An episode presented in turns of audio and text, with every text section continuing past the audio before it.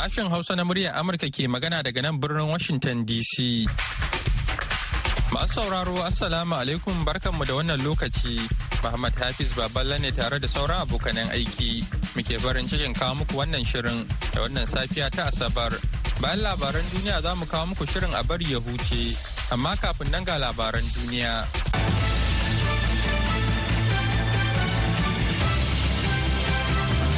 Jama'a salamu alaikum fatan an waye gari lafiya. Ga labaran duniya mai karantawa Sarfil Hashim Gumel. Amurka na kira ga Isra'ila da ta rinka auna takamaimai inda za ta kai hari wa shugabannin Hamas a Gaza maimakon ruwan bamamai da kuma ayyukan soja a ƙasa. In ji mai baiwa fadar White House shawara kan harkokin tsaro Jack Sullivan a ranar Juma'a.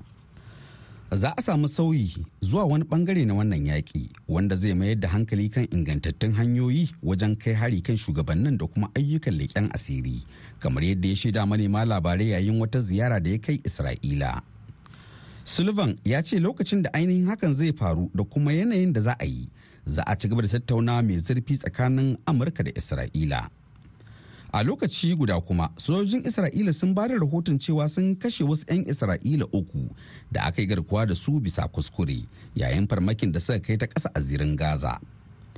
Babban hafsan hafsoshin sojin ƙasar riya admiral daniel hagari ya ce sojojin isra'ila sun gano mutanen jiya juma'a kuma suka yi kuskuren rashin gane su. A ɗaya ɓangaren kuma rundunar sojin isra'ila ta ce tana guna da bincike kan kisan gillar da aka yi wasu falasɗina biyu a yammacin gabar kogin jordan. Bayan da aka kama sojoji ta hoton bidiyo suna harbin mutanen da ke kusa da su lokacin da ba su zama wata barazana gare su ba.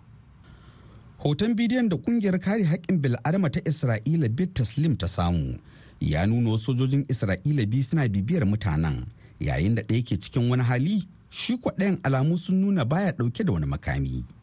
A wani sumame da aka kai sansanin 'yan gudun hijira a gaba yammacin kogin jordan. Har ila yau jiya juma'a 'yan isra'ila sun ce sun dakatar da wasu jami'ai biyu da aka ɗauka a fifan bidiyo suna dukan wani ɗan jarida mai ɗaukar hoto na falastinu a gabashin birnin kudus. Yayin da sudan ke cika watanni takwas da fara kazamin yaƙi wanda ya sanadin mutuwar mutane sama da dubu goma sha biyu tare da raba miliyan shida da mahallansu hukumomin abinci na majalisar ɗinkin duniya sun yi gargaɗin cewa za a fuskanci bala'in yunwa nan da ƙarshen shekara mai zuwa lokacin da kayan abinci kaɗan. Wani sabon bincike na abinci da aka fitar ranar juma'a ya yi amfani da kimiyya wajen kimanta wadatar abinci. Ya yi gargaɗin cewa kusan mutane miliyan goma sha takwas a faɗin sudan na fuskantar matsananciyar yunwa. Waɗannan alƙaluma su ne mafi girma da aka taɓa samu wanda ya daidai da lokacin girbin sudan lokacin da ake samun ƙarin abinci in ji adam yo mataimakin wakilin abinci da noma a sudan da yake magana da 'yan jarida daga jihar senar ta sudan ya ce matsalolin abinci na ƙara ta'azzara sakamakon rikice-rikicen da ake ci gaba da yi da kuma tashashen hankula da ƙarancin noma da tsada abinci da sauyin yanayi da kuma gudun hijira.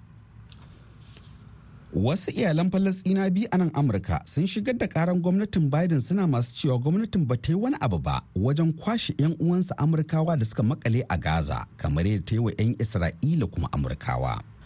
A kwanakin baya bayan harin da ƙungiyar Hamas ta kai kudancin Isra'ila a ranar bakwai ga watan Oktoba, gwamnatin Amurka ta shirya jiragen haya daga Tel Aviv zuwa Turai domin taimaka Amurka barin Isra'ila bayan da kamfanonin jiragen sama da dama suka soke zirga-zirga a ƙasar. Ma'aikatar harkokin wajen amurka ta ce ta taimaka wa falastina kusan 1,300 na amurka ficewa daga gaza tare da tserewa harin ramuwar gayya da isra'ila ke yi a wani ɓangare ta hanyar daidaita fice wasu zuwa makwabciyar masar tare da hukumomin isra'ila da masar. Sai dai amurka ba ta ɗauki matakin shirya jiragen da aka keɓe ba ko kuma ta taimaka wajen tabbatar da ficewa wasu amurka kimanin 900 mazauna yankin da 'yan uwa da ke ci gaba da makalewa a gaza. In ji iyalan amurkawan da ke karar gwamnati. Sun ce hakan ya saba wa 'yancinsu na tsarin mulkin da ƙasar su ya ba su.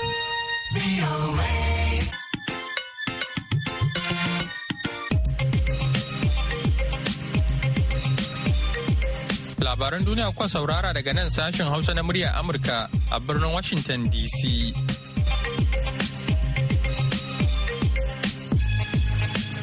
kuma sai a gyara zama domin jin shirinmu na gaba.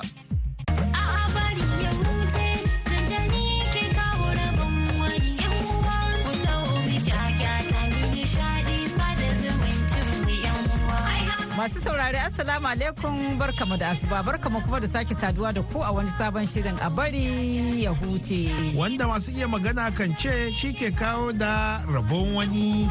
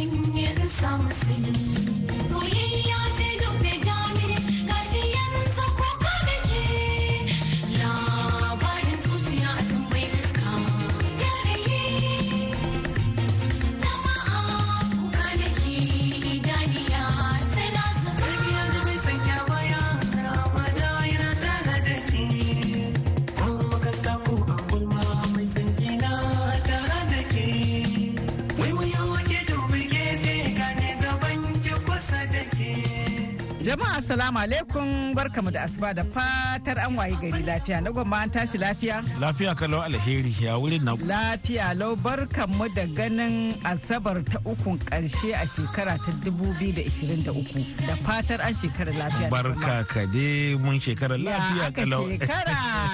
Wallahi alhamdulillah. Ya mutan gida. Da lafiya limi. To ba da laba ba ka ce kyau alkawali cikawa ko? Haka yake. To dama dai kamar yadda muka saba mukan yi gaishe-gaishe da bakinmu sai yau muka ce ƙofa ce buɗe da za mu ba masu saurare dama. Haka ne su masu faɗa da bakinsu. Da bakinsu kana kuma su gaya mana labarin da ya fi burge su a wannan shekarar. Mm. Banda haka kuma su kuma su ba mu labari da bakinsu duk za a haka idan Allah ya nuna idan da ikon Allah.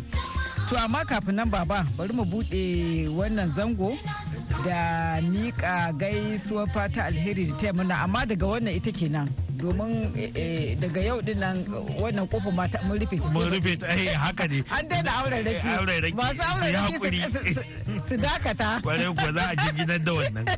sai mako sai sai shekara mai zuwa idan Allah ya nuna mana Gaskiya. To za mu rufe wannan zango na zuwa bukukuwa da mika saƙon fata alheri da taya murna ga iyalan Malam Abdullahi Madi dole kaina. a waɗanda za su aurar da 'ya'yansu safa'atu abdullahi dole kaina za kuma a yi auren ne ranar laraba 27 ga wannan wata na disamba da ƙarfe 6 na yamma a gidan alhaji usman dole kaina da ke badariya. Kana kasan aure a gida? Kwana da kwanaki ake yi ana yin shi.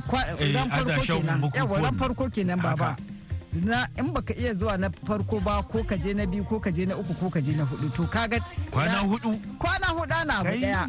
To fa to baba rana ta biyu ko wato ok to ranar farkon dai sa lalle kenan Mm. ran ishirin. To rana ta biyu wato yinin biki shi kuma za a yi shi ne ranar juma'a da da ƙarfe goma sha biyu na rana. Shi kuma za a yi shi ne a block 80 gida lamba 109 a alero quarters duka a garin kaduna. Kana a alero quarters ban san kowa ganin kaduna ba ne gaskiya. To sai rana ta biyu wato za a yi nin biki. Ranar juma'a 29 ga wata da ƙarfe 19 ai da ƙarfe 10 da ƙarfe 12 na rana. Na za a yi- rana. yawwa za a yi shi ne a wani ablo 80 lambar gida 109 a alero quarters. Sai rana ta uku baba walima kila irin wani ranar ai ƙwarai kwa ai. A irin wannan nan muka yau kaji baba. an ce za a je wuki to Ana wannan ranar ake ana dako ma magana. Nan ne za a ga baba ya sa. Eh, haba. Eh. Dubu ɗaya da dari biyar dubu ɗaya da dari biyar ana ina ina ruwan baba ina akwai kura a Eh, daka haba baba. ana batu ba ma wasa ko baba ya haka zo gawa to ka ka gane ku. Kwarai ko wannan tsohon tarihi to baba eh, ranar waliman nan za a yi ta ita ma rana 29 amma wannan da ƙarfe 4 za a yi Mm. shi kuma za a yi ne a KB TV. To sai rana ta huɗu to ita ce ranar ɗauka amarya. To da fatan za a yi wannan buki lafiya wato wannan fa 'yar mu ce baba. na'am E, diyar eh, abokiyar aiki Maryam Atuto Allah ya ba da zaman lafiya Allah ya sa an yi adace. ya amin ba da zaman lafiya da albarkar zaman tare. To baba bari mu uh, mika gaisuwa fata alheri da taya murna. Wannan auren da an riga an yi shi. Auren iyalan James Tembe Hele da na Dalla da Haruna Wundu na 'ya'yansu Hele Williams James da Marsa Haruna Wundu. An yi auren ne rana Alhamis ɗin nan da ta gabata. To Allah ba da zaman lafiya da albarkar zaman tare. amin. Bari kuma mu mika gaisuwa fata alheri da taya murna ga ango da amarya anna lawal da angonta jonathan emni nyam waɗanda za a ɗaura ma aure a yau ɗin nan a ekwa gospel yutan da ƙarfe goma sha ɗaya na safe. A kuma yi walima a semurumba college ball court da ke titin zaria. To allah sa an ya adace allah ya ba da zaman lafiya da albarkar zaman tare. Amin summa amin. Sai kuma gaisuwar taya murna ga iyalan malam biliya bala da na malam kabiru yusuf.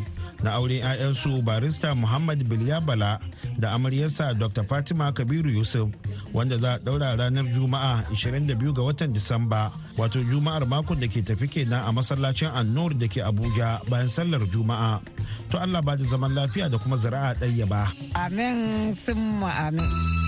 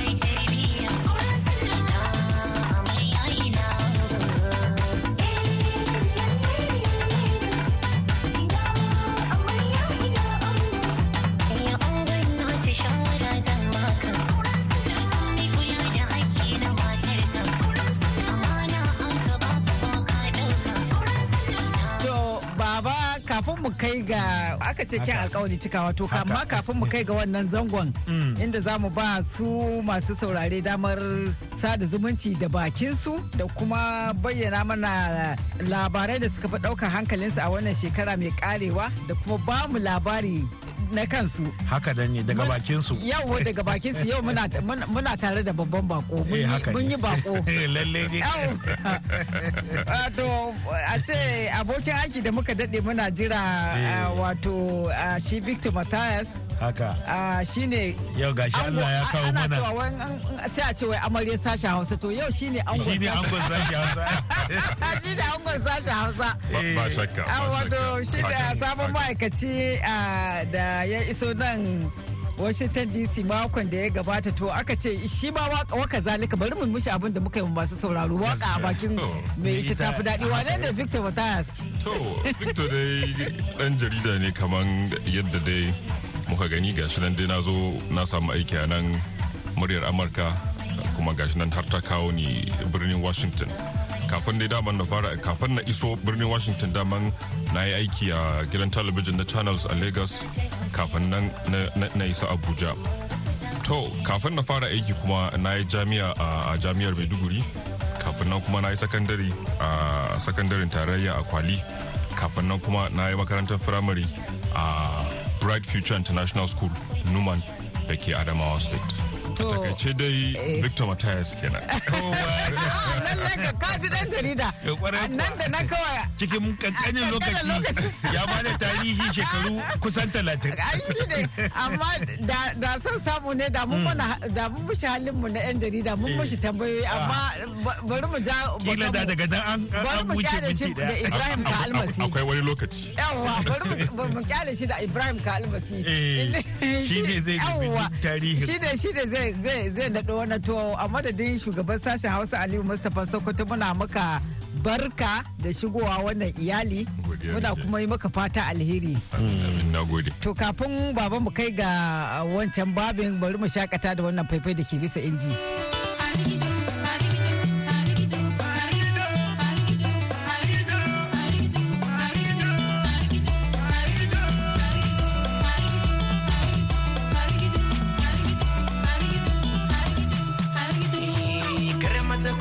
mana gangana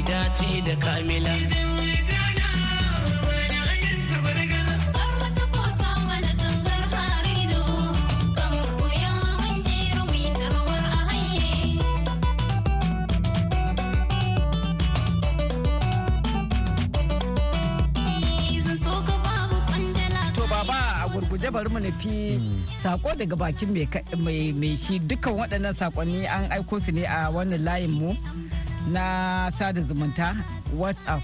Sashen Hausa na murya Amurka sunana Sanusi Maɗattayi daga nan jihar da magaram a jamhuriyar Nijar.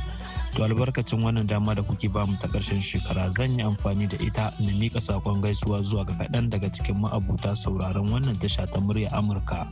Da farko akwai Isuhu Makeri Maɗattai sai Ilyas Yakuba Digawa ba zan manta da Yakuba mai aski ba da raka ba sai Musa Malam Indu Kazawai.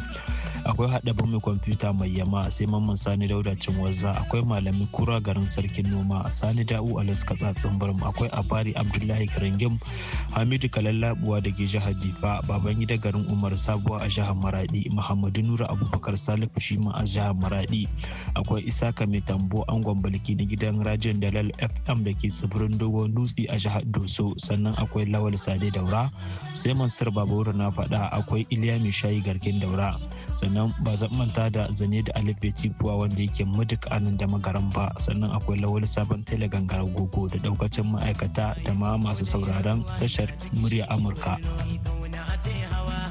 Assalamu alaikum. Ne magana hafizu balarabe gusau shugaban muryar talaka reshen jihar zamfara.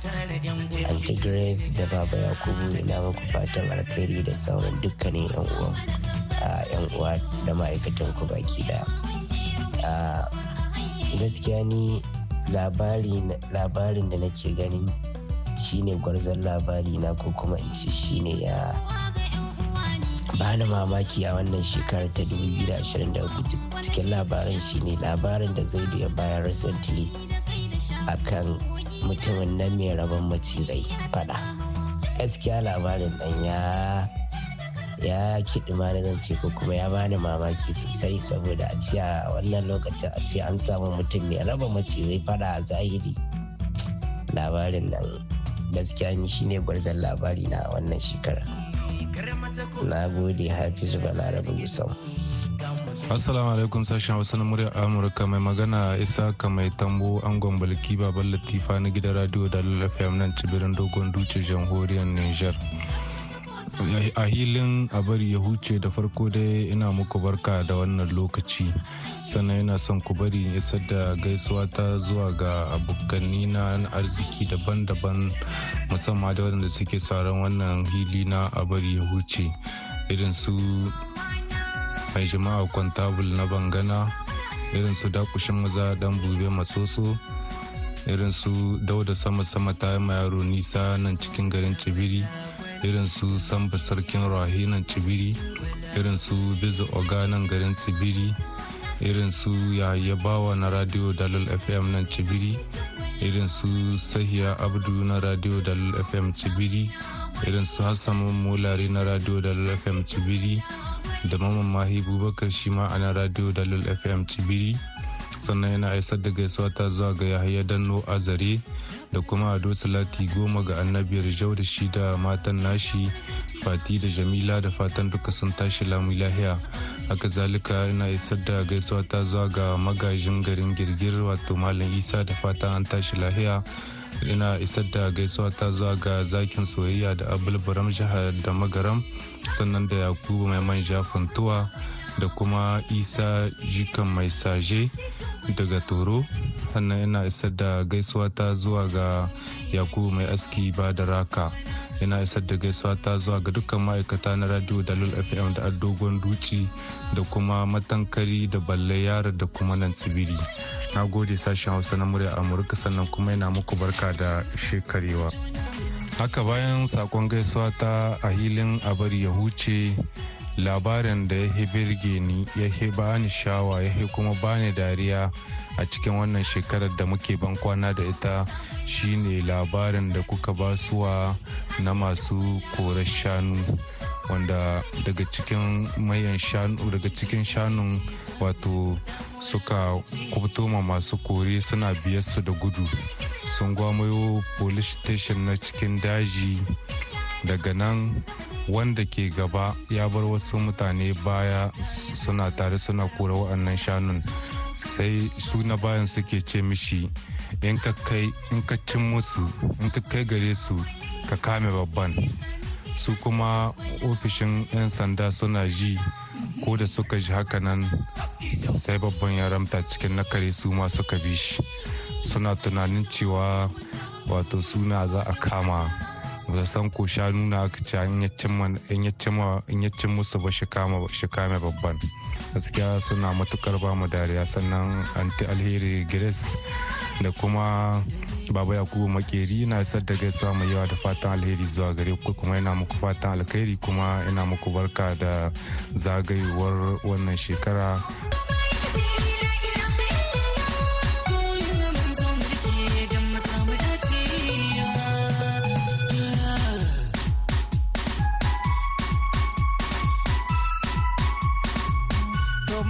Da lababa. To sai kuma labarinmu na mako. Shi ba daga bakin mai shi. Haka.